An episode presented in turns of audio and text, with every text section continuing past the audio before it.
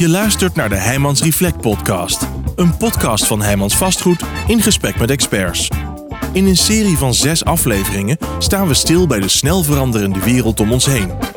Samen met deskundigen en specialisten reflecteren we op de opgaven die op ons afkomen, welke kansen dit biedt voor integrale gebiedsontwikkeling en inspireren we met oplossingen en concrete voorbeelden. Dit doen we aan de hand van het sociale, natuurlijke en ruimtelijke domein. Samen zorgen deze drie domeinen voor een gezonde leefomgeving. Welkom, live op de Provada. Dit is de vierde aflevering van de Heijmans Reflect podcast. Mijn naam is Harwil de Jonge, directeur duurzaamheid bij Heijmans Vastgoed. En vandaag staat het natuurlijke domein centraal. En in deze aflevering bekijken we dit domein vanuit het perspectief van woonconcepten en het verduurzamen daarvan. Ik heb drie gasten aan tafel die ieder vanuit hun eigen perspectief hier een lucht, licht op zullen laten schijnen. Marlies Zuidam, eh, architect en founder van Faam Architects. Marlies, jullie zijn gewend woningen te ontwerpen vanuit woonconcepten. En daarnaast is regeneratief ontwerpen bij jullie belangrijk. Regeneratief ontwerpen heeft betrekking op de implementatie van ecologische systemen. Gaan beide eigenlijk gaan die wel samen? En dat wil zeggen woonconcepten en regeneratief ontwerpen. Harwel, dat gaat heel goed samen. Vooral als we in vroegtijdig stadium echt breder denken dan alleen over het nadenken over het bouwen, maar vooral over het totale gebied. En dat betekent dat we over plotgrenzen heen moeten denken, samen moeten werken met de gemeente. En dan kunnen we waanzinnig veel doen met concepten uh, op het gebied van uh, natuurinclusiviteit. En vooral door integraal na te denken over zowel het wonen als over de inrichting bijvoorbeeld van straat, rood naar groen en dergelijke. Er is ontzettend veel te halen. Daarnaast trekken wij regeneratief ontwerpen breder dan alleen uh, groen of ecosystemen. Maar gaat het voor ons ook over materiaal en water, wat eigenlijk ook onderdeel is van het ecosysteem. En juist daarin zitten hele interessante onderwerpen die voor de conceptbouw, ja, die je daar A op een grotere schaal kunt neerzetten. Maar die ook, um, hoe zeg je dat, gelijk impact hebben op elkaar. Dus gebied en gebouw aan elkaar koppelen. Daar gaan we het zo verder over hebben, Marlies. Ook aan tafel Harold van de Ven van Building Balance. Gepokt en gemazeld met circulair, energieleverend en modulair bouwen. Harold, heel kort. Wat doet Building Balance en wat is jouw rol? En hoe zie je de relatie met woonconcepten? Uh, Building Balance is een uh, nationaal programma om van land naar pand bouwmaterialen voor de toekomst te ontwikkelen. Uh, we zien de problematiek voor de boer, die we heel erg op de boer projecteren. Stikstof, CO2-productie, slechte bodem, slechte lucht, slechte waterkwaliteit, biodiversiteitsverlies. Door met de boeren in gesprek te gaan en ze voor te stellen Zouden jullie wellicht uh, iets anders willen gaan doen met jullie bedrijf dan wat je deed? Maar een klein beetje anders. Niet compleet anders, maar een klein beetje anders. Door het met het telen van vezelgewassen kunnen wij heel veel doen, Marlies, om uh, uh, eigenlijk spullen gaan te ontwikkelen die jullie zouden kunnen gebruiken in jullie woonconcepten. Nou, wat, wat we dan doen is van land naar pand tot gisteren 13 en sinds gisteren 25 regionale ketens te ontwikkelen. Waarvan in Zuidoost er eentje al volop draait. in het midden van Brabant, het gaat even over Brabant, en in West- en in Noordoost binnenkort er eentje van start gaat. 15, 25 regionale ketens. En 15 landelijke ketens om producten echt op, van land naar pand te ontwikkelen. En wij, wij uh, hebben met minister De Jong afgesproken dat we voor 2030 50.000 hectare van de boeren, nu in Nederland zeg maar, in gaan zetten voor de vezelteelt. Heel interessant. Daar gaan we ook verder invulling aan geven in het gesprek. En tot slot aan tafel zit ook Pim Ketelaars werkzaam binnen Heijmans aan het duurzamer maken van Heijmans woningbouw. En daarbinnen het verduurzamen van de bestaande woonconcepten. Pim, is er überhaupt ruimte om woonconcepten te verduurzamen? Zeker, Raul. Uh, eigenlijk kun je de vraag andersom uh, zetten. Uh, de concepten hebben wij nodig om ons bedrijf te verduurzamen. die standaardisatie van concepten die maakt het mogelijk om eigenlijk die verduurzamingsslag te maken. En in materialisering en in maatvoering. Uh, dus ja, die concepten die, uh, die hebben wij nodig. En andersom, uh, die gaan we dus ook de komende tijd heel hard gebruiken om te verduurzamen. Ja. En dan even meenemen in wat er nou, een maand geleden ongeveer gebeurde. Er kwam een, een rapport van de EIB, een studie Industrieel Bouwen en de Bouwarbeidsmarkt. dat industrieel bouwen sneller en goedkoper is, maar beperkt toepasbaar. En door technische en financiële beperkingen is industriële woningbouw op de helft van de nieuwbouwwoningen niet toepasbaar, zegt dat rapport. Aanvullende kwalitatieve eisen beperken de toepasbaarheid van industrieel bouwen verder tot ongeveer 15% van de reguliere nieuwbouwwoningen. Ja, dat klinkt niet heel bemoedigend, zo'n rapport. Uh, Hoe kijken jullie hier tegenaan? En liggen hier kansen voor woonconcepten en industrieel bouwen? En wat is dan die meerwaarde? Marlies, hoe kijk jij daar tegenaan? Nou, wat wij sowieso zien, uh, wij werken veel met Heijmans uh, woonconcepten. En wat wij zien is dat uh, Heijmans woonconcepten eigenlijk al flexibeler zijn dan veel andere die we tegenkomen. Wat betekent dat wij het eigenlijk, vind ik, in heel veel posities kunnen toepassen. En wat we heel veel zien is dat juist de mix, hè, dus een deel uh, woonconcept toepassing en een deel toegespitst op de specifieke cultuurhistorische waarden of op een bepaalde oplossing die je stedenbouwkundig nodig hebt, die mix is heel erg interessant. En ik denk ook dat we niet anders kunnen dan nadenken over industriële woningbouw vanuit de opgaves die we hebben met z'n allen op en ook om mensen toch aan de bouw te binden. Want we hebben ook op Arbo-vlak toch wel echt slagen te slaan, denk ik. Dus in die zin is het een oplossing die heel breed is. En volgens mij ook echt wel heel veel mogelijkheden Mag, mag ik jou iets vragen, Marlies? Zeker. Is het, want ik ben niet helemaal bekend met jullie woonconcept als Van Heijmans. Wat ik vaak zie bij woonconcepten is dat het een soort luciferdoosjes of wandelementjes en vloerelementjes die op elkaar gaan in een stramienmaat van 5,40 meter, 5,10 meter 10 of wat dan ook. Dat dat de flexibiliteit is. Ik, eh, ik kan me voorstellen dat je zegt, ook als architect, ik, ik kom zelf van een architectenbureau, waar, uh, uh, waar we uh, parametrisch ontwerpen, maar wel vanuit een concept. En dat je juist van, van het parametrische de hele robotiseringsproces in de fabriek optuigt. En dan is het nog steeds een concept, maar wel weg van de standaard elementjes zoals Lego of Ikea, ja. dat je daar iets mee maakt. En dan kunnen we 100% dekken. Misschien is dat wel interessant. Ook meteen een vraag aan jou, Pim. Ja. Uh, reactie op wat uh, Harold Ja, dit is de weg. Dit is de route die we moeten doorlopen. En daarin, daarin zie je dat we er nu nog heel erg aanpakken wat ons menselijk brein aan kan. Hè. Zo, zo organiseren we onze concepten. Niet alleen bij Heijmans, maar je ziet het eigenlijk overal. En zodra je die computer aan het werk zet, zeg maar, dan zie je dat je veel mooiere oplossingen kan maken. En dan zie je dat je voor de projectontwikkelaar ook veel meer sluitendere oplossing kan krijgen. En wat je eigenlijk nu ziet, is dat de projectontwikkelaar niet 100% van zijn projecten kan dekken met concepten, laat staan met industriële toepassingen. Dus als we kunnen naar industriële bouw die dan volledig flexibel is, hè, aangestuurd vanuit de robot, zeg maar, met, uh, met, met modellen. Ja, dat is de route, die, de innovatieroute die wij, uh, die wij ook inzetten. En dan, dan word je eigenlijk 100% dekkend. En dan haal je eigenlijk het beeld van industriële bouw is hokjesbouw, is containerbouw. Daar, daar moet je van afstappen. Uh, wat dat impliceert, uh, rijtjeshuizen met een voortuin en ja, een achtertuin. En je, je gaat volledig weg naar de woonbehoefte die nee, het nu is. Hè? Nee. Dus en die scheve woning, hè, die bestaat ook. Die, die hoekoplossing, uh, die bestaat ook. En, en, de woning met het, met het erkertje aan de voorkant, uh, die moet ook gemaakt kunnen worden. Ook in de fabriek, zeg maar. Terwijl we eigenlijk dat als industriële bouwer denken we heel snel... dat is niet efficiënt, zeg maar. Terwijl je in je straatbeeld wil je ook dat soort oplossingen kunnen maken. En als we, als we kijken naar die, naar die woonconcepten, hè, dus het, het is een lijn en je zoekt naar, ook naar de flexibiliteit erin, maar het is een lijn om op grotere schaal uh, andere toepassingen toe te passen, zoals het verduurzamen van die woningen. Uh, Pim, binnen Heijmans is er ook een nieuwe lijn opgezet, dat is de Heijmans Horizonlijn. Kan ja. je daar wat meer over vertellen? Zeker. Heijmans Horizon is uh, onze nieuwe fabriek uh, waar onze houten woningen worden gemaakt. We hebben in, in het innovatiecentrum van Heijmans in Rosmalen dank zo'n mooie spreuk de lamp is niet ontwikkeld door de kaars te optimaliseren. Uh, en daarin zie je dat je eigenlijk wat je standaard producten, standaard woningen, zeg maar, ben je op een gegeven moment uitgeoptimaliseerd. En ook qua verduurzaming. Heijmans heeft hier eigenlijk een nieuwe type woning ontwikkeld, houtskeletbouw. Uh, en die gaan we, nou, over twee weken gaan we die fabriek openen. En na de zomer komen daar de eerste woningen komen daar van de lopende band. echt industrieel, dus niet een overdekte bouwplaats, maar echt een industriële fabriek. En uh, nou ja, dat, dat belooft veel goeds. En ook een heel mooi groeimodel om, uh, om daar de standaard van te gaan maken. Om weer verdere stappen vooruit Juist, te maken. Ja. Marlies, hoe kijk jij hier naar? Want jij, jij, jij kent onze woonconcepten vanuit jouw rol als architect. Hoe kijk je naar die nieuwe horizonlijn? Nou, die horizonlijn, daar hebben wij ook al een project mee mogen doen. Toevallig ook in een volledig regeneratief ontworpen uh, opgave. Waar we dus ook gebouw en uh, omgeving aan elkaar hebben mogen, uh, aan elkaar hebben mogen weven. Um, het mooie vind ik aan de horizon is dat ook de volledige keten uh, inzichtelijk is. En dat die ook lokaal, uh, grotendeels lokaal, uh, ja, hoe zeg je dat, geoogst wordt, om het maar zo te zeggen.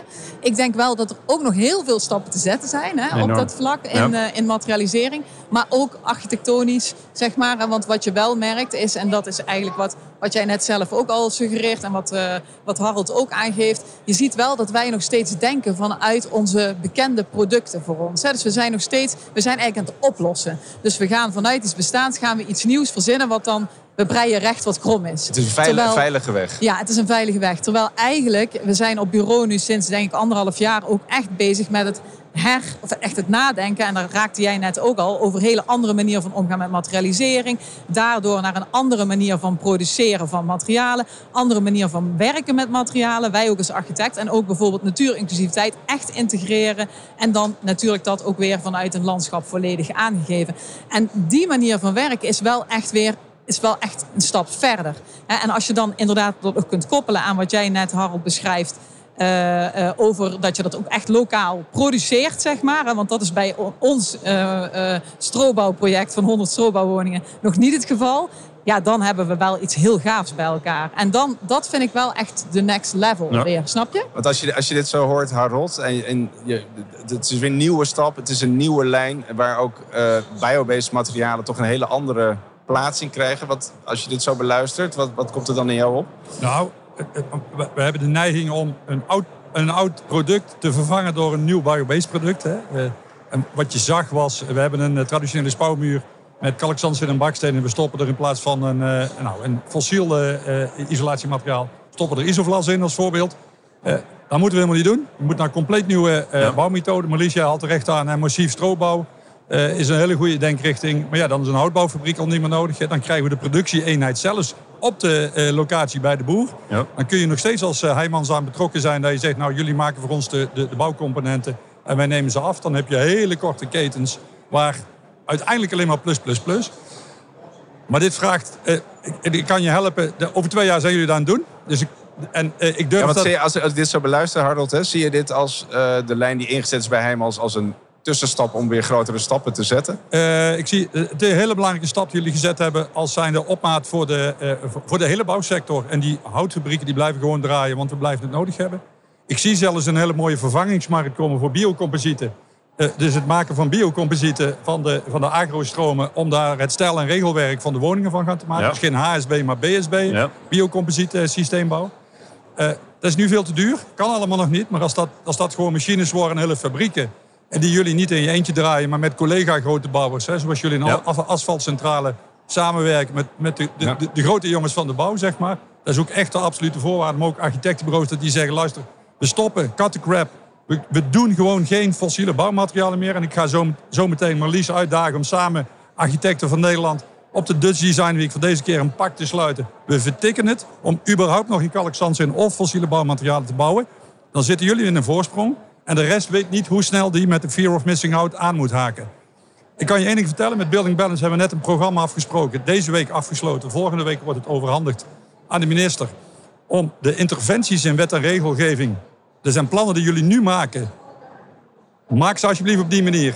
Want je kunt echt niet meer fossiel bouwen op korte termijn. Dus de interventies die we daarin voorstellen. Dat is alleen maar biobased. Gericht op alle problemen collectief regeneratief op te lossen. En dat is wat we met, Building Balance hebben gedaan. Het, het, dus het kan ook niet meer anders. En het is geen tussenstap, maar het is een verregaande PIM. Hè? Automatisering, Ja. robotisering, Ja. digitalisering van de hele bouwkolom. Arbeidskrachten. Ja, Nou, En wat, Pim, hoe kijk, kijk jij tegenaan, ook vanuit beschikbaarheid van die materialen en, en, en wet en regelgeving waar we nu ook gewoon mee te maken hebben en ja, rekentools waar we mee te maken hebben. Hoe, kijk je daar tegenaan?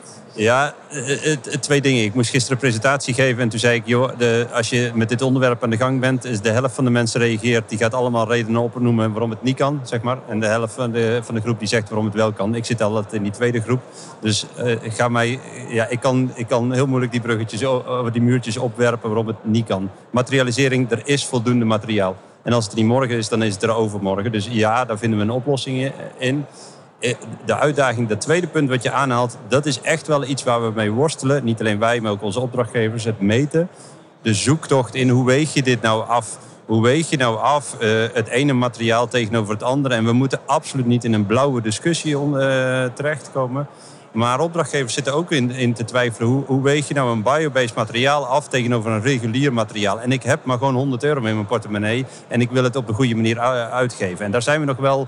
eh daar moeten wij in... eh, ja, daar trekken we ook wel eh, samen in op. Maar da- daarin, zitten, daarin zitten we met elkaar zoekende hoe je dat moet, moet doen. Hoe zie jij dat, Harold, als je dit zo hoort? Nou, ik kan een van de interventies, en daar gaan mensen blij van worden. Zeker, wellicht hebben jullie een bestaande woning en heb je geen nieuwe woning in, in aanbouw.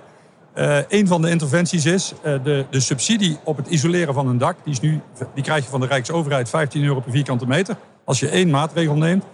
Dat is wat nu de regeling is. Maar wat er nu aankomt per 1 januari is een subsidieregeling. Als je het biobased isoleert, krijg je er 5 euro per vierkante meter bij. Ja, dan heb je het over de bestaande bouw. Bestaande bouw. Ja. Uh, maar het, is, het maakt met het aanjagen van die bestaande bouw. We hebben vandaag Noord-Oost-Brabant alle corporaties in een commitmentverklaring gekregen. Die we met Zuidoost-Brabantse corporaties hebben afgesproken. In een vijfjaren plan van 0.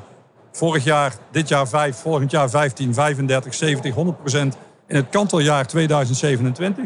100 procent biobased te gaan isoleren. Dat maakt dat de hele markt niet anders kan dan meegaan en dat de prijs vanzelf zakt. Dus de prijs is geen issue. Ze zijn zelfs bereid meer te betalen, staat in de commitmentverklaring. Hè. Dus prijs is geen issue meer. Voor particulieren die een woning bouwen, die bij ons komen zeg maar, voor een woning, is prijs al helemaal geen issue. Ze willen het gewoon. Mensen die weten het. Jullie kinderen die zijn bang van, het, van de klimaatverandering. Praat er maar eens mee. Ik sta veel op scholen. Niemand uitgezonderd is bang. Zeg nou, praat eens met je ouders. Wat doen ze eraan? dus het, het, het, het stimuleren van alle kanten dat er op een andere manier gebouwd wordt. Ook financieel, dat is toch de blauwe kant. Dat is helemaal geen issue. Maar stimuleer je door angsten, zei je? Of nee, nee. nee, juist andersom. Want ik zeg tegen die, ik stel de vraag heel voorzichtig natuurlijk aan de kinderen. Doe ik op een lagere school, middelbaar onderwijs. Hè? Juist heel voorzichtig om geen angst te maken. Want ik vertel ze, ik kom jullie laten zien wat we allemaal al doen. Dat er heel veel oplossingen zijn. En ga ermee aan de gang. En, en vraag aan je ouders vooral om niet op vakantie te gaan, maar net één keer iets anders te doen. En, en wat wel interessant is, hè, we hadden in, in podcast 3 hadden we het over groen en blauw. Ook, we hebben heel veel thema's waar we invulling moeten geven in dat stedelijke gebied. En de opgaven waar we voor staan. Uh, Nederland is niet groter dan Nederland is. Hoe doen we dat met ruimtebeslag? En daarom vroeg net ook, voor, hoe zit dat met... Als je die materialen wilt telen, heb je ook ruimte nodig. Hoe, ja. Marlies, heb jij een idee bij? Nou, ik zit bij lange na niet zo in de cijfers als mijn buurman volgens mij. Maar um, uh, volgens mij is er uh, meer dan voldoende plaats. We hebben een enorme opgave met z'n allen. Uh, en we zijn allemaal eigenlijk die landbouw aan het omturnen naar. Nou, daar zitten ultieme kansen volgens mij juist voor deze onderwerpen. Maar daarbij is het ook zo dat we ook na moeten denken in het gebouwde. Van A, waar gaan we nou eigenlijk bouwen? Want daar wordt, vind ik, nog echt bodemwater uh, moet de basis zijn om, uh, om gebiedsontwikkeling in te zetten.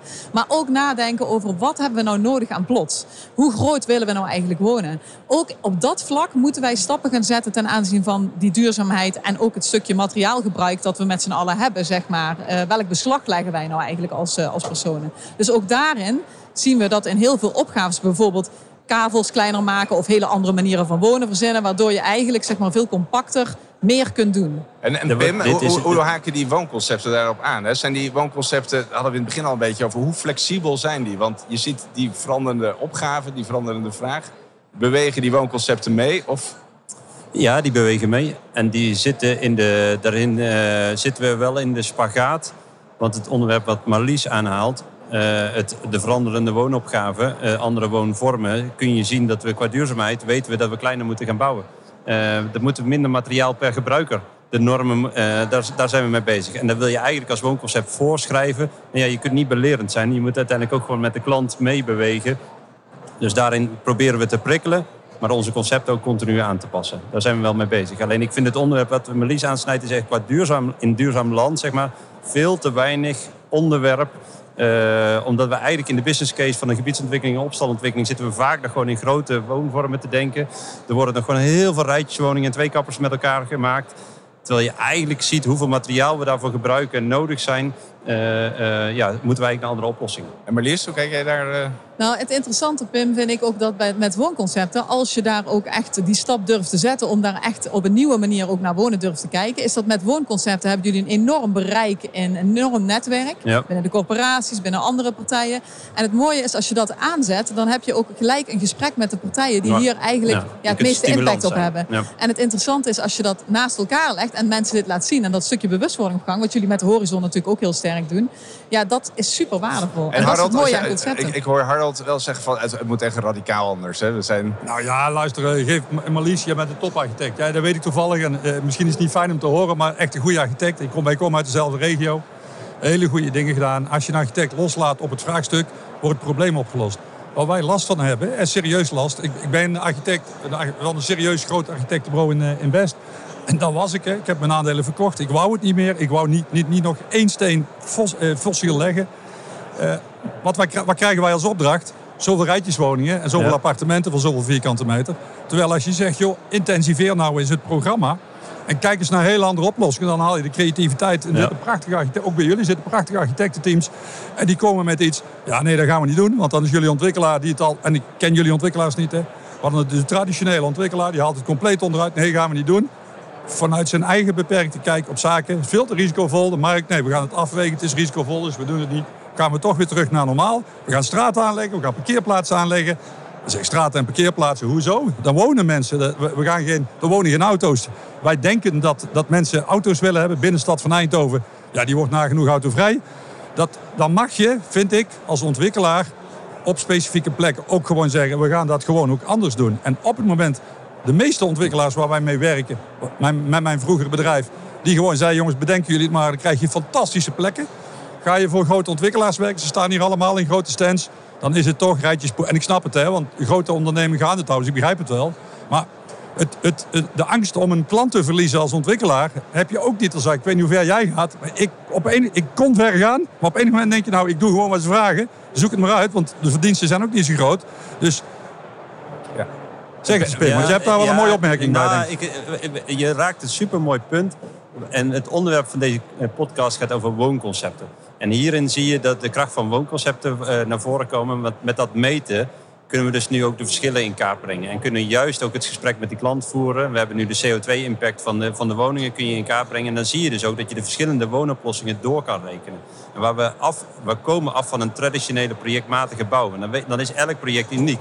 En met die woonconcepten kun je eigenlijk heel mooi varianten naast elkaar leggen. En kun je dus ook echt laten zien wat de impact is van de ene woning in de andere woning. Eh, en door dat door te rekenen, bijvoorbeeld in CO2, eh, op korte termijn, zeg maar, zie je dat je ook het gesprek kan voeren. En ja, dan is het niet bij het eerste project opgelost, dus dat geloof ik ook wel. Maar dan, is het, dan gaat het balletje wel, eh, dan gaat het balletje wel rollen. En wat, wat ik ook wel beluister, ook in het verhaal van Harold en ook wat Marlies zei, is van eh, het, het gaat niet alleen om die woning, het gaat om het totale gebied.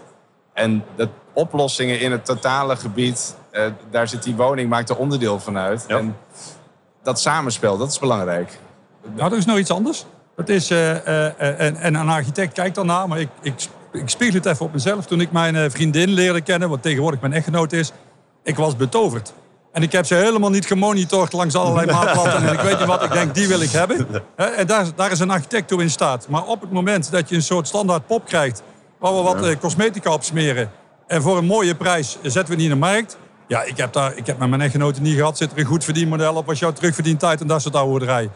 En ik had toen echt geen dikke portemonnee of wat dan ook. Ik wist, dit is, dit komt goed. En, ik, en, en ik, ik weet, als jullie in de vrije sector woningen ontwikkelen... in een normale markt, dan krijg je je woningen prima verkocht.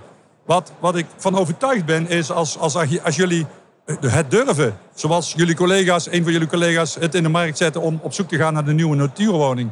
Dat je zegt, nou, we dagen de markt, de architectenmarkt uit... en we zetten er een, iets moois tegenover. Krijg je fantastische nieuwe concepten... waar je het bestaan nog niet van durfde te vermoeden. Inclusief... en en dat, dat is ook wel een vraag, Harold, misschien aan Marlies. Hè, van hoe eh, worden jullie betrokken in dit soort woonconcepten? Worden jullie erbij betrokken? Wat, wat is jullie aandeel daarin? Nou, het gekke is dat wij echt heel veel voor jullie woonconcepten werken, maar dat onze meest innovatieve projecten niet een opdracht van jullie zijn. En ehm, wij, wij hebben wel gesprekken natuurlijk over opvolging. Soms worden we ook eh, betrokken bij dingen, maar niet heel intensief zeg maar, bij de ontwikkeling. En wat je merkt is dat, ehm, denk ik, eh, ik vind bijvoorbeeld het gesprek over het gebied heel belangrijk. Dat is ook iets waar we met het conceptteam bijvoorbeeld nu ook eh, gesprekken over gehad hebben pas. Ehm, en daar zit daar al hele simpele dingen, hè, is al heel veel te halen. En dat is wel het leuke. We hebben evaluatiegesprekken, daar een kaartje dit aan. En daar wordt ook iets mee gedaan. Dus in die zin wel, maar echt bij de innovatie worden wij niet betrokken. Herken jij dat, Pim? Ja, en daarin hebben we echt een mooie. eh, daarin, ik ben nu sinds twee maanden weer terug. Ik kom van een eigen innovatieadviesbureau. Eh, en je ziet dat Heijmans heeft slagkracht. Hij is groot, maakt grote keuzes. En eh, moet flexibele schil om zich heen krijgen van mensen die, eh, die snel kunnen pionieren. En daar zijn jullie, jullie van. En we zijn altijd zoekende van hoe pionier je nou? Hoe haal je nou kennis en vernuft? Eh, en daar zijn we nu eigenlijk een strategie van aan het ontwikkelen om dat veel gestructureerder te doen, om veel duidelijker te doen, om die creativiteit uit de markt, bijvoorbeeld met een prijsvraag of bijvoorbeeld met creatieve architecten, om die kennis eh, in huis te halen. Maar het is een zoektocht bij zo'n groot bedrijf om dat in te voeren. Het voordeel is, als je het invoert, dan heb je het meteen voor duizend woningen ingevoerd. En dat is eigenlijk waar Heijmans wel voor gaat. We hebben, uiteindelijk is het eh, eh, eh, het komt niet, niet vaak naar voren, maar een hele bescheiden club. Hè. Je ziet ons niet heel groot op, op social media en alles roeptoeteren. Eh, maar als we het invoeren, zeg maar, dan doen we het ook meteen goed. Ja, je zegt eigenlijk van langs die lijn van de concepten kan je, als je wil, ook echt wel impact maken. Zeker, ja. Dat is eigenlijk de, de lol. En Ja. wat voor andere partijen zijn er nog nodig, Harold, als je kijkt naar deze opgave? Jullie collega's. Wat, wat, wat, eh, mo- morgen zit ik bij een collega van jullie in een, in een soort vergelijkbaar gesprek. En eh, dat, daar maken we een, eh, een eh, commitmentverklaring mee van we gaan aan de slag om de, de, de spulletjes die van de akker komen, om ze te laten verwerken en dat, dat ze afgenomen worden. Nou, zijn collega's van jullie uit het zuiden van het land. En ik zou het heel mooi vinden als jullie zeggen, weet je, wij gaan het ook gewoon doen in Noordoost-Brabant. Maar het is, uiteindelijk gaat het straks over heel Nederland heen. Dan, ga je, dan maak je de slag naar die boer die zegt, hey Verrip, Heijmans. En je zegt, ja, we schreeuwen weliswaar niet eh, op social media, maar elke keer als ik langs Rosmalen rijd, eh, zojuist nog, dan is het toch vrij, vrij veel geel wat de aandacht vraagt. Dus dat is op, een- op ik bedoel het positief, hè. Eh, maar je zou kunnen zeggen, luister eens, we zetten onze schouders daar maar onder. En als er 500 hectare van de akkers komen, dat lijkt heel veel. Maar dat is voor de komende jaar voor een boer. We hebben nu 160 hectare, dat wordt 500. Dat helpt ze enorm met, met de zekerheid dat ze mee gaan opschalen. Dus het elkaar vasthouden en samen willen werken, ook met collega's van jullie, zeg maar. Dat je zegt, we're in it together. En at the end warmen we allemaal samen op. Hè? Dus het is niet alleen voorbehouden aan mij of aan jullie. Dus dat kun je doen als Heijmans, denk En, ik. waar- en waar, zit, waar zit toch nog die beperking of die terughoudendheid dan in om, om dat te doen? Het klinkt heel logisch als je dat zo vertelt, maar blijkbaar gebeurt dat niet. Nee, maar het is vers van de pers. Het is vers van de pers. Ik word de hele dag gebeld met collega's van jullie. Joh, mogen wij alsjeblieft meedoen? Mogen we in de keten? Mogen we alsjeblieft meedoen? Want de fear of missing out, we willen het niet missen. Ja, ja. Ja wat, je, wat je bij Building Balance, wij doen ook met jullie mee, hè? we zijn Ja, al met jullie in ik gesprek. Eh, ik vind eh, een, eh, Building Balance is een mooi voorbeeld. We, we, hebben nu, we zijn nu met zonnepanelen, dat is een ander voorbeeld, vind ik wel leuk om even te noemen. Eh, we zijn bezig met Zwitserse zonnepanelen. Eh, en die krijgen we niet kosten, eh, net zo eh, eh, kostenneutraal als eh, Chinese rommel, zeg maar. En eh, daarin zie je, daar is de sense of urgency, de noodzaak om samen te werken met de BAM, waar je morgen zit, en waar met de andere partijen. Die, die- ik hoop dat je ze morgen uit kunt dagen, met- dat we het samen kunnen gaan doen.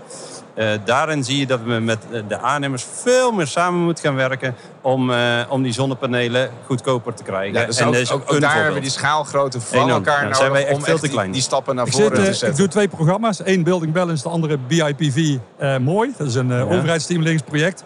En eh, precies hierin, want er zijn een aantal producenten in Nederland. En die wil je ontmoeten om dit mogelijk te maken, Ja, ja. zeg maar. Het lijkt me beter dat we ze hier gewoon maken. Want in de slimste regio, ja sorry, we zitten nou in Amsterdam. Hè, maar ja, helaas komen wij uit een andere regio. Dan zijn ze, dat heeft een andere stempel. Natuurlijk gaan we dit in heel Nederland doen. Maar er worden hele goede zonnepanelen gemaakt in Nederland. Die goedkoop zijn. 100% circulair. Niet ver van jullie vandaan. Op kleur, op maat, met structuur.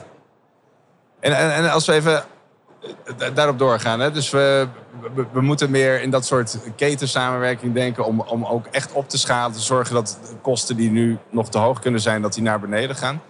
Maar we hebben ook in veel gevallen hebben opdrachtgevers. Woningcorporaties, beleggers eh, en de consument. Dus uiteindelijk maken we de woning wel voor mensen om in te wonen. Hoe, hoe zitten die daarin, Marlies? Eh, corporaties, beleggers? Nou, onze meest innovatieve opdrachtgevers zijn vaak corporaties. Dus dat zegt eigenlijk al genoeg. Hè. Corporatie is eigenaar. Wat wij merken is dat eigenaren van gebouwen heel erg gemotiveerd zijn om hierover na te denken. Eh, er zit wel heel veel verschil tussen de verschillende corporaties op dit vlak. Want er zijn ook heel behoudende corporaties waar het bijvoorbeeld niet eens lukt ook om bijvoorbeeld concept naar horizon te krijgen, zeg maar. Hè. En dat vind ik ook al innovatie, maar dat is eigenlijk een makkelijke innovatie, zeg maar, voor een corporatie. Eh, dus dat is nog een enorme uitdaging. Ehm, maar ik denk dat er heel veel bereidheid is. Nog even één aanvulling op het onderwerp waar het net over ging. Wat ik wel heel belangrijk vind. We kunnen kijken naar de verre toekomst. Of verre, naar niet de projecten nu, nu lopen. Maar de projecten die nu lopen, die nu opstarten. Ook in de reguliere concepten. Ook daar kunnen we nog heel veel halen op, over de onderwerpen waar wij het hier over hebben. En dat is gewoon nu aanzetten. En dat is iets wat al heel veel bereik gaat hebben op de woningen die nu... En dat gaat bijvoorbeeld over dat gebied. Of over de manier van kijken. Jullie hebben ecologen in dienst als een van de weinigen. Supergoed allemaal eh, aan boord en eh, aan de bak. Want er is, in die zin zijn er hele makkelijke stappen ook nog te zetten. Hè, in, in wat er nu überhaupt in productie eh, gaat op korte termijn. Ja, en dan, dan zie je wel het, het, het verschil en het samenspel tussen gebiedsniveau en, en opstalniveau in dit geval. Hè? Dus waarbij je op sommige thema's echt wel meer impact op gebiedsniveau kan maken dan op gebouwniveau. Ja, maar bijvoorbeeld ook water. Hè? Dat is iets wat je in je concepten kunt aanzetten. Wat nu, bij mijn weten, in ieder geval nog niet gebeurt binnen de woonconcepten. Ehm, maar misschien lig ik daar aan achter. Maar dat zijn de dingen die gewoon... En ik denk dat iedere corporatie die jij gaat uitleggen... als je daar het goede plaatje laat zien... en Pim en ik kennen het van de Wereldbol met zoetwater en zoutwater... dan snapt iedere coöperatie dat we een opgave hebben met z'n allen. En je hoeft de krant maar open te slaan en het staat erin. Vijf jaar geleden of zes jaar geleden hebben wij het er samen al stevig over gehad uh, met de weathermakers. En um, daar zitten opgaves in die wij nu heel makkelijk al aan kunnen zetten door gewoon het gesprek aan te gaan, bijvoorbeeld met een corporatie. En hoe zit de consument erin? Want over water hadden we het ook in de andere podcast. En water is ja, draai een willekeurige kraan open, er komt water uit. En het nadeel is dat het niks kost. Dus... hou op. Heb je afgelopen, zullen we zeggen, vijf weken heb jij nog water gezien zonder dat je de kraan openzette?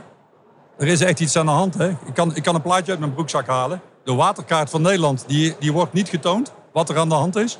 Na de stikstofkaart, zeg maar. We hebben echt serieus een waterprobleem in Nederland. En, hoe, en, en, hoe, leeft dat binnen bij de consument? Ik, ik heb het gevoel en het idee dat bij de consument dit totaal niet leeft. Dat komt wel. Ik denk dat maar het moet, het, moet het zover komen? Of kunnen we daar inderdaad al vanuit de gebiedsontwikkeling en alles wat wij doen... Ik zou het aanbieden. Als, uh, we, doen dat ja, jij noemt net een naam. Ik noem niet, als ik hier nou zit, noem ik niet graag namen van jullie collega's. Maar niks uit hoor. Maar we doen dat met andere eh, bouwersontwikkelaars. Zeggen we, bied het als optie aan, aan aan, klanten. En leg het uit. Er zijn, en er zijn dan particulieren die bij jullie een koopwoning kopen. Die hebben best geld om, en zeker Rabobank als voorbeeld, hè, die gaan komen ook met nieuwe hypotheekvormen aanvullend. En als je kiest voor opslag hemelwater, dan denkt die klant, ja, waarom ook niet? Druk op de knop, want het is... En dan doet de helft het wel en de andere helft niet. Ze vertellen het tegen elkaar en denken, ja, doe mij het dan maar ook. Want ja, en, en, ja, en dat is in het add-on denken. Hè? Dus dat, dat je zoals opties kan denken. Ik vind het wel echt een taak van ons als industrie... dat wij slimmere oplossingen met elkaar bedenken. Wij vinden dat wij zoveel keuzes bij die consument neerleggen... die echt complex zijn... Uh, wij zijn ooit ingedoken in slimmere inrichting, gebiedsontwikkeling met beplanting en hoe, dat, hoe je daarmee water vast kan houden, moet je niet bij de consument neerleggen. Onze woningen, wateropvang in de woningen, zeg maar, moeten wij standaard goede oplossingen in bedenken. Zo complex en als je dat, ik gebruik altijd maar het voorbeeld groene stroom en niet groene stroom echt bizar dat die keuze er is, zeg maar. De consument kan die keuze niet maken. Dus in mijn ogen moeten wij als industrie veel duidelijker... en dat er dan op een gegeven moment een omslagpunt komt... dat je zegt, oké, die moeten we wel voorleggen. Maar ik denk dat heel veel van die complexe problemen... echt door ons als industrie goed over nagedacht moeten worden. Sexy moeten worden verpakt in een goed product. Uh, en dan uitleggen. Nou, en als, je dat, als je dat vertaalt, dat is voor, voor de consumenten. Maar als je dat vertaalt naar de interne Heimels-collega's... die dagelijks bezig zijn met die projecten... kan je het daarmee ook makkelijker maken... door het standaard uh, op te gaan nemen in die concepten. Dat je niet bij elk project opnieuw na moet denken over deze thema's. Juist, ja. Ja, dan, dan is het al. Ja, maar dat is even van afstand kijken. Als je een groot bedrijf bent, dan moet je je slimme oplossingen... daar stop je al je vernuft in. Nou, als we dat vernuft zeg maar, in je woonconcept stopt, dan hoef je lokaal in een project in Drachten of in Leeuwarden waar je mee bezig bent, hoef je niet dat de hele tijd nadenken. De wereld is echt complex aan het worden en de, de, de, die complexiteit die moet je vatten in je concepten. Ja, en dan gaat het wel om zien als bedrijf dat dit belangrijke thema's zijn, onderkennen, ambitie op formuleren en daarop gaan ontwerpen, maar liefst. Ja. ja, klopt. En wat volgens mij ook heel interessant is, is dat je mensen ook, als je dat ook uitlegt, hè, dat je dat in jouw concept standaard hebt zitten, mensen voelen zich daar ook beter bij. Hè? Want je draagt bij met je woning aan een betere wereld, zeg maar, op dat onderwerp. En dat stukje bewustwording is sowieso een taak die wij met z'n allen hebben. Hè? Dat gaat van ecologie en biodiversiteit tot water, tot, nou ja, noem maar op, hè? het materiaalgebruik. En ik denk dat daar ligt ook een enorme taak. En dat vind ik ook heel goed aan de horizon. Daar wordt ook al echt op ingezet. Bijvoorbeeld, wij zijn nu met een plan bezig. Er zitten ook gewoon vijf tuinontwerpen in. Daar zijn de tuinen ook echt, hebben we bewust heel klein gehouden. Het gebied is daardoor ingericht, heel erg biodivers ingericht. Helemaal natuur inclusief ook echt kloppend. Hè? Dat de juiste soorten, de juiste uh, nestkasten, de juiste voorziening ook in de gevel naast de nestkasten. Maar ook het feit dat mensen dan kunnen kiezen voor een tuin die aanvult op dat gebied, dus vanuit het concept, en dat we met ecologen ook uitleggen wat er gebeurt in dat gebied en waarom je dan, waarom ziet hun gebied er zo uit. Dat maakt dat mensen A begrijpen waar het over gaat. Maar daarbij is dat ook volgens mij werkt dat aan de geluksfactor van mensen. Want die, dat angst die jij net beschrijft, hè, dat is bij iedereen. Dus we willen met z'n allen graag oplossingen voor die issues. En dat draag je toch een beetje aan bij voor je gevoel. Hè, op het moment ik, heb er nog een toegevoegde waarde op. Ik denk zelfs dat mensen een beetje gaan pronken als ze het doen. En dat ze daarmee de buurman ook uh, stimuleren om het ook te doen. Dus dat het is van, uh, kijk mij nou, in plaats of dat ik straks aansloeg op een erker. Dat was vroeger het statussymbool of een mooie keuken of een badkamer. Die tijd is, natuurlijk zijn er nog mensen die dat doen. Maar er is nou iets anders aan de hand. En dat mensen eigenlijk willen, kijk nou eens wat ik doe. Eh, dan kun jij toch ook sterker nog, je hoeft je tuin niet eens met onderhouden. Hè? En als ik, als ik zo beluister, dan kan er nog heel veel meer gedaan worden in die concepten. En hoor ik ook wel van, vanuit de bescheidenheid de dingen die we dan al wel doen die mogen ook best prominenter eh, etaleren en naar buiten brengen. En daar trots op zijn om ook op die manier collega's en, en de consument in mee te nemen. We gaan aan het eind van deze podcast. Het is duidelijk dat woonconcepten verduurzaamd kunnen worden. Het is ook duidelijk dat er nog heel veel kansen liggen om in die woonconcepten nog duurzamer te maken. Het, vraagt ook wel, dat hoorde ik Harold ook wel zeggen, toch ook wel een andere manier van kijken naar die uh, woonopgave. In een, in veel bredere, vanuit een veel bredere visie. Is een appel aan iedereen om ja, de handschoen op te pakken en vooral ook samen te gaan werken. Want samen hebben we die slagkracht en, en moeten wel van die eigen eilandjes afkomen om, om daar een grotere stap in te maken. Als je nou kijkt naar vanuit jullie eigen perspectief naar 2030. Dat klinkt ver weg, maar alle gebiedsontwikkelingen waar we nu mee bezig zijn, moet je hopen dat je 2030 haalt. Wat is, wat is dan de stip in 2030? Mag ik bij jou beginnen, Pim? De stip in 2030. Uh, nou ja, kijk, ik wil uiteindelijk hopen wij dat we naar ecopositieve eh, woningen en, steden gaan, uh, gaan werken. Dus als wij uh, de stip in 2030, volgens mij is dan dat we de eerste gebiedsontwikkeling opleveren waar dat een resultaat is. Dat zou, en volgens mij is dat niet zo moeilijk. Ehm, eh, dat kan op woningniveau en gebieds, eh, gebiedsniveau. Ja, Marlies, hoe kijk jij daar tegenaan? Nou, volgens mij is het heel belangrijk dat wij dus dat dat, echt op een, dat wij de opgaves op een andere manier gaan benaderen. Dus niet oplossend wat nu niet goed is, maar juist echt vanuit een ander perspectief. En wat volgens mij cruciaal is daarin, is dat wij ook met andere disciplines durven te werken. Wij zijn eh, als eh, keten heel erg pragmatisch en heel erg oplossingsgericht. Maar misschien hebben we hier wel filosofen voor nodig. En je merkt in de gebiedsontwikkelingen, de laatste vijf jaar werken wij heel veel met uh, omgevingspsychologen, met uh, nou ja, van allerlei verschillende biologen, met van allerlei verschillende di disciplines. Een ecoloog zit standaard altijd in onze opgaves. Maar ehm, je merkt dat juist die, dat aanhaken van die verschillende disciplines ons denken ruimer maakt, oprekt, ons nieuwe kanten laat zien van oplossingen. En volgens mij is dat heel belangrijk, dat we naast die uh, quick wins die we kunnen maken, die we ook moeten maken. Dat we zeker ook gaan nadenken over die echte wijzigingen in de toekomst. Een ander perspectief, vanuit een ander perspectief de, de opgave aan, uh, aanvliegen. Harold, waar staan we in 2030? Nou, dan zitten we allemaal in een luie stoel. En dan kijken we terug. 2023 was het jaar waar het kwartje viel. Uh, en hebben we afgesproken, ja, drie jaar geleden, weet je nog? We hadden beloofd dat we drie jaar geleden klaar zouden zijn. We waren een jaar eerder, omdat we collectief samen zeg maar, die afspraak hadden gemaakt. We gaan terugkijken op het jaar 2024. Waar we de architecten de opdracht hebben gegeven om compleet andere woonvormen te bedenken. Geïndustrialiseerd met robots. En dat we het crisisjaar 2024 hebben gebruikt om die ommezwaai te maken. Niet dat het zo'n diepe crisis wordt, maar een beetje crisis. En dat we uh, uh, biodiversiteit in de wijk hebben gebracht, maar ook vooral buiten de wijk hebben gebracht. Want vergis niet, de industrie van tegenwoordig die is gewoon het platteland. Die op een manier behandeld wordt waar we allemaal niet willen. Maar waar we een verbond mee hebben gesloten. Dat we zeggen, hè hè, en wat zijn we toch blij dat we klaar zijn, want we hadden eigenlijk beloofd 2050, maar we zijn al in 2030 klaar. En als je dan kijkt, hè, dat, is een, wenkend perspectief, hè, zo, zo, beluister ik het. Wat, wat moet je dan nu al gaan doen? Jij zei al iets over 24, en we zitten nu nog in 23. Wat moeten we nu gaan doen met elkaar? Pim? Ja, uh, uh, ieder voor zich zijn eigen verantwoordelijkheid nemen en voelen. Als ieder zelf voelt wat hij kan doen, dat is volgens mij de allereerste stap als jij dadelijk naar huis rijdt of waar je deze podcast ook luistert eh, en je voelt, wat kan jij doen? En iedereen heeft hier een rol in. En van projectontwikkelaar tot architect, tot de opdrachtgever, tot en met onze timmerman, zeg maar. Iedereen heeft hier een rol in. Dus als we morgen, als iedereen gaat beseffen dat hij hier zelf een verantwoordelijkheid in heeft en dat het niet bij een ander ligt, dan gaat het heel hard. Ja, en gaat dat lukken? 100%. Mooi. Marlies, wat moeten we nu doen? Samenwerken en buiten je eigen comfortzone durven samenwerken. In ieder geval in de bouwketen. En hebben we daar de tijd voor? Nemen we daar de tijd heel, voor? Dat is helemaal niet moeilijk, dat moeten we gewoon doen. En we nemen er nog niet genoeg de tijd voor, absoluut niet. We zijn het nog niet aan het doen. Niet nee, als, je, als je de, discussie hoort van afgelopen jaar, gaat het vooral over aantallen, dus snelheid. En denk, nou, als, we, als we deze discussie met elkaar beluisteren, gaat het ook over kwaliteit en anders denken.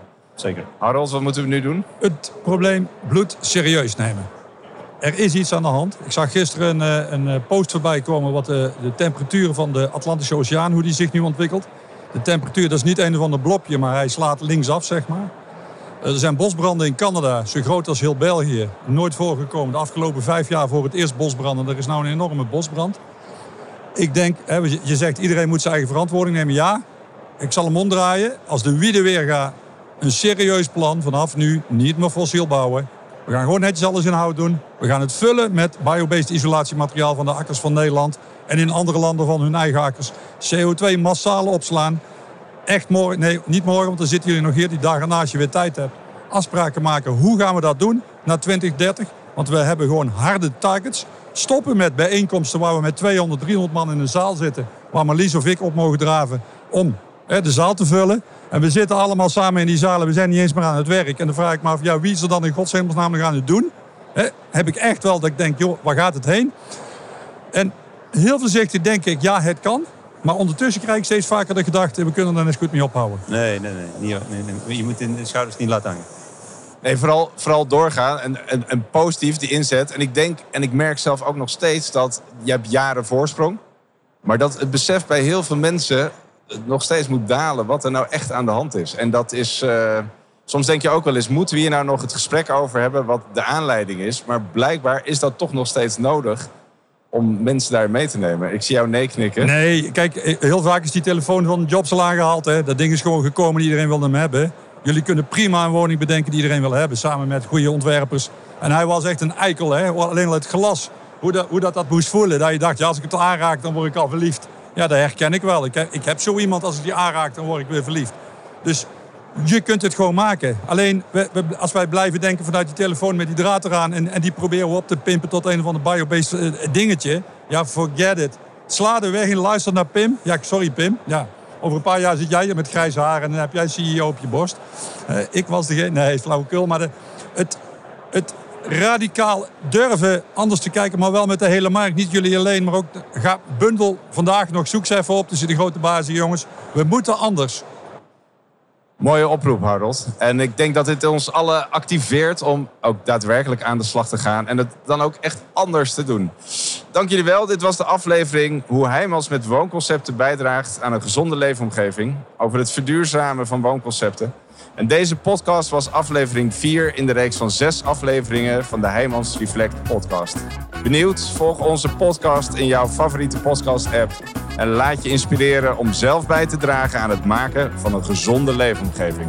Leuk dat je luisterde. Fijne dag. En vooral aan de slag met elkaar. Dankjewel.